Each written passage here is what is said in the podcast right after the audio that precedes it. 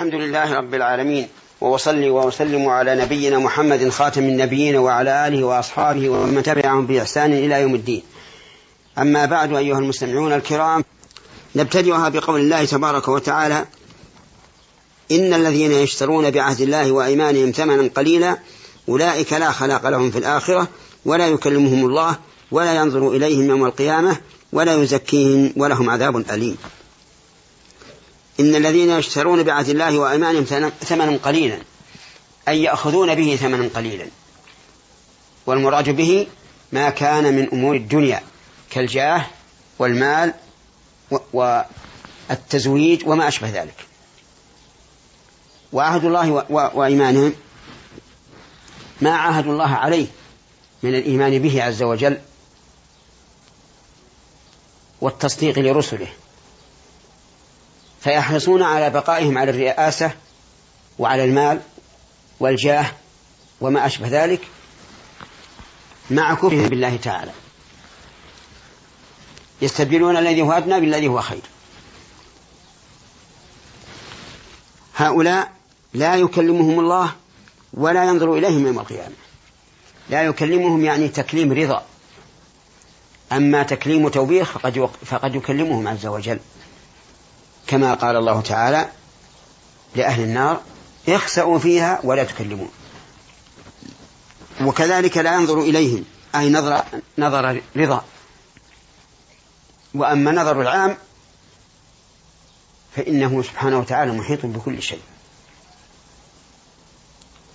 ولا يزكيهم أي يطهرهم وينفي عنهم ما يقدح فيهم.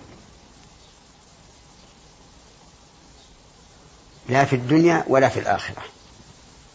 فتأمل قوله لا يكلمهم الله ولا ينظر إليهم يوم القيامة ولا يزكيهم. فهم لا زكاة لهم أي لا تزكية لهم لا في الدنيا ولا في الآخرة. ولهم عذاب أليم أي مؤلم بدل ما تنعموا به من نعيم الدنيا ورفاهيتها مع تكذيبهم لرسل الله عز وجل فإنهم يجازون بهذا بهذا العذاب الأليم المهين. كما قال الله تبارك وتعالى إن شجرة إن شجرة الزقوم طعام الأثيم. كالمهل يغلي في البطون كغلي الحميم.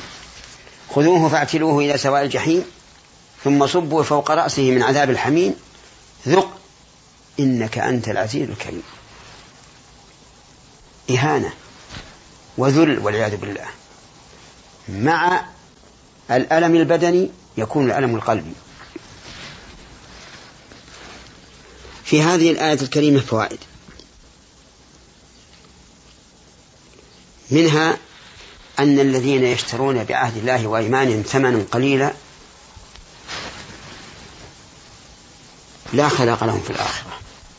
أي لا نصيب لهم في الآخرة. لأن نصيبهم أخذوه في الدنيا.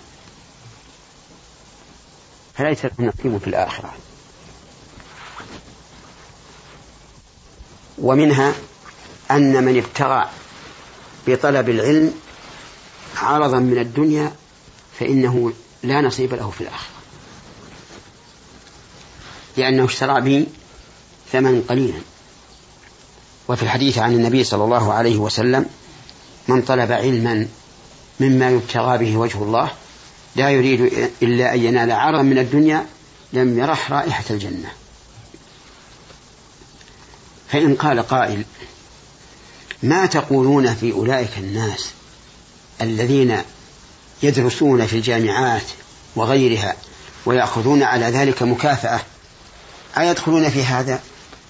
فالجواب إن كانوا دخلوا من أجل المال فلا حظ لهم في الآخرة. وإن دخلوا من أجل العلم لكن أخذوا المال يستعينون به فلهم نصيب في الآخرة.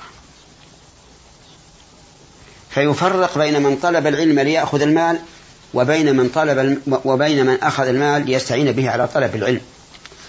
الأول ليس له نصيب في الآخرة والثاني له نصيب. فإن قلتم ما تقولون في من يطلب العلم في الجامعات أو غيرها لنيل الشهادة؟ فالجواب إذا كان يريد من نيل الشهادة أن يصل إلى المرتبة إلى مرتبة الوظيفة وهي المال فقد طلب العلم لغير الله.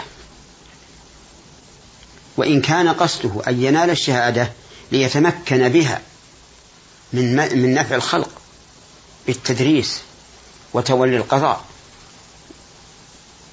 وتولي الإمامة إمامة إمامة الصلاة وما أشبه ذلك فهذه نية طيبة لا تمنعه من نصيب الآخرة. ولقد قال النبي صلى الله عليه وعلى آله وسلم كلمة جامعة مانعة. قال إنما الأعمال بالنيات وإنما لكل امرئ ما نوى. هذا الحديث حديث عظيم. ينبني عليه كل فعل وقول وعقيدة لبني آدم فهي على حسب النية.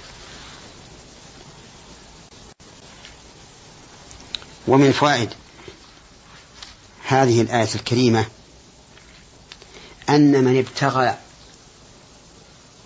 الدنيا بالدين فقد أتى كبيرة من كبائر الذنوب. لأن الآية فيها وعيد. وقد ذكر العلماء رحمهم الله قاعدة أن كل ذنب فيه وعيد في الآخرة فإنه من كبائر الذنوب. وإذا كان كذلك فإن نصيحتي لإخواني الذين لديهم من هذه النيات الباطلة أن يتوبوا إلى الله عز وجل وأن يصححوا النية والرجل إذا إذا تاب وأصلح عمله تاب الله عليه مهما عمل من الأعمال. قال الله عز وجل قل يا عبادي الذين أسرفوا على أنفسهم لا تقنطوا من رحمة الله إن الله يغفر الذنوب جميعا إنه هو الغفور الرحيم. وقال تعالى في وصف عباد الرحمن في آخر سورة الفرقان والذين لا يدعون مع الله إله إلها آخر ولا يقتلون النفس التي حرم الله إلا بالحق ولا يزنون.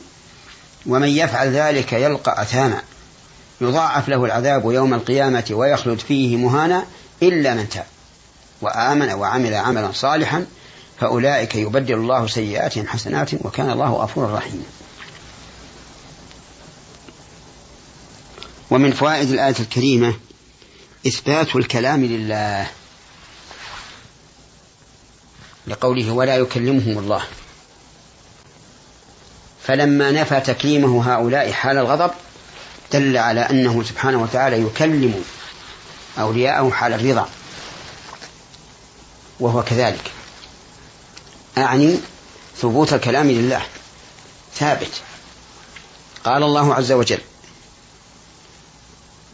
تلك الرسل فضلنا بعضهم على بعض.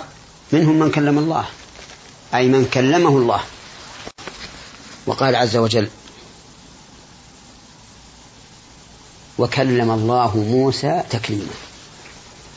وقال تعالى ولما جاء موسى لميقاتنا وكلمه ربه قال رب أرني أنظر إليك. قال لن تراني ولكن انظر إلى الجبل. وهذه محاورة بين الله وبين موسى. موسى يسمع كلام الله فيرد عليه. والله يسمع كلام موسى فيرد عليه.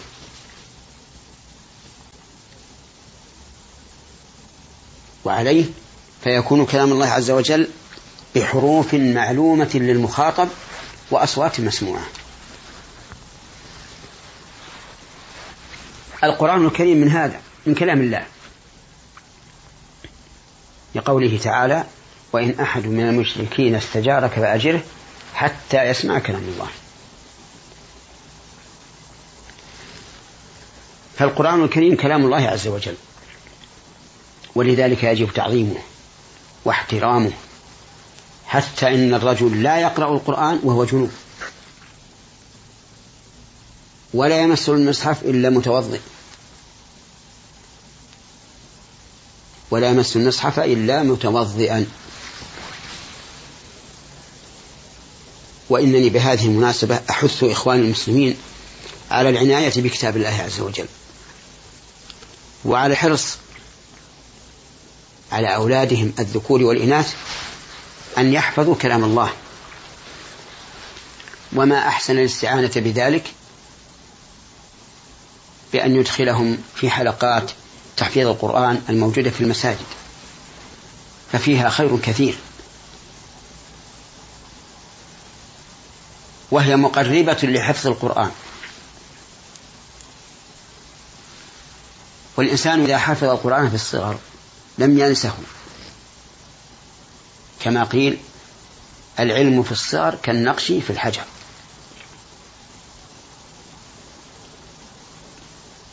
وأوصي إخواني أن يقرأوا القرآن الكريم بتدبر وتفكر في معانيه حتى ينتفعوا به. لأن القرآن بلا تدبر يحول بين الإنسان وبين معرفة المعنى. وإذا لم يعرف المعنى فكيف يمتثل الأمر؟ فيفعله فيفعله. ويعرف النهي فيجتنب فيجتنبه. لا بد من معرفة معاني القرآن الكريم. ومن فائد الآية الكريمة إثبات النظر لله عز وجل. وهو نوعان نظر عام لجميع الخلق فكلهم لا يغيب عن عنه عز وجل. يرى دبيب النمل على الصخرة السوداء في الليلة الظلماء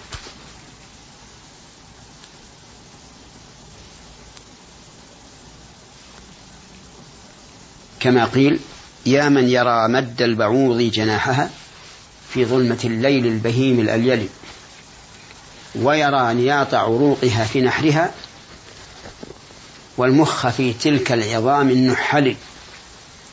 أمن علي بتوبة تمحو بها ما كان مني في الزمان الأول. والنظر والثاني نظر خاص نظر رحمة. ورأفة وتوفيق. وهو المنفي في هذه الآية ولا ينظر إليهم ومنها إثبات يوم القيامة وهو يوم البعث وسمي يوم القيامة لأن الناس يقومون فيه من قبورهم لرب العالمين. ولأنه أي ذلك اليوم يقام فيه العدل كما قال عز وجل ونضع الموازين القسط ليوم القيامة فلا تظلم نفس شيئا. ولأنه يقام فيه الأشهاد. كما قال عز وجل إنا لننصر رسلنا والذين آمنوا في الحياة الدنيا ويوم يقوم الأشهاد. يوم لا ينفع الظالمين الظالمين معذرتهم ولهم اللعنة ولهم سوء الدار. ومن فوائد هذه الآية الكريمة أن الزكي من زكاه الله.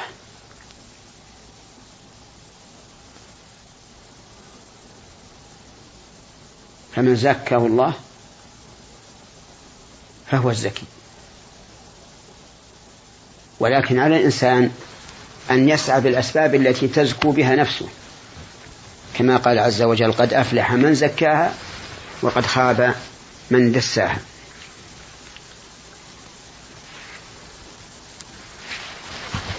ومن فوائد هذه الآية الكريمة إثبات العذاب الأليم لهؤلاء الذين يشترون بعهد الله وأيمانهم ثمنا قليلا.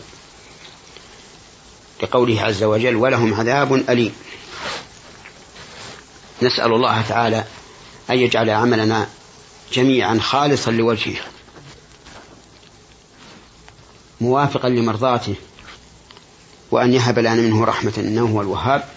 والحمد لله رب العالمين وصلى الله وسلم على نبينا محمد وعلى آله وأصحابه ومن تبعهم بإحسان إلى يوم الدين.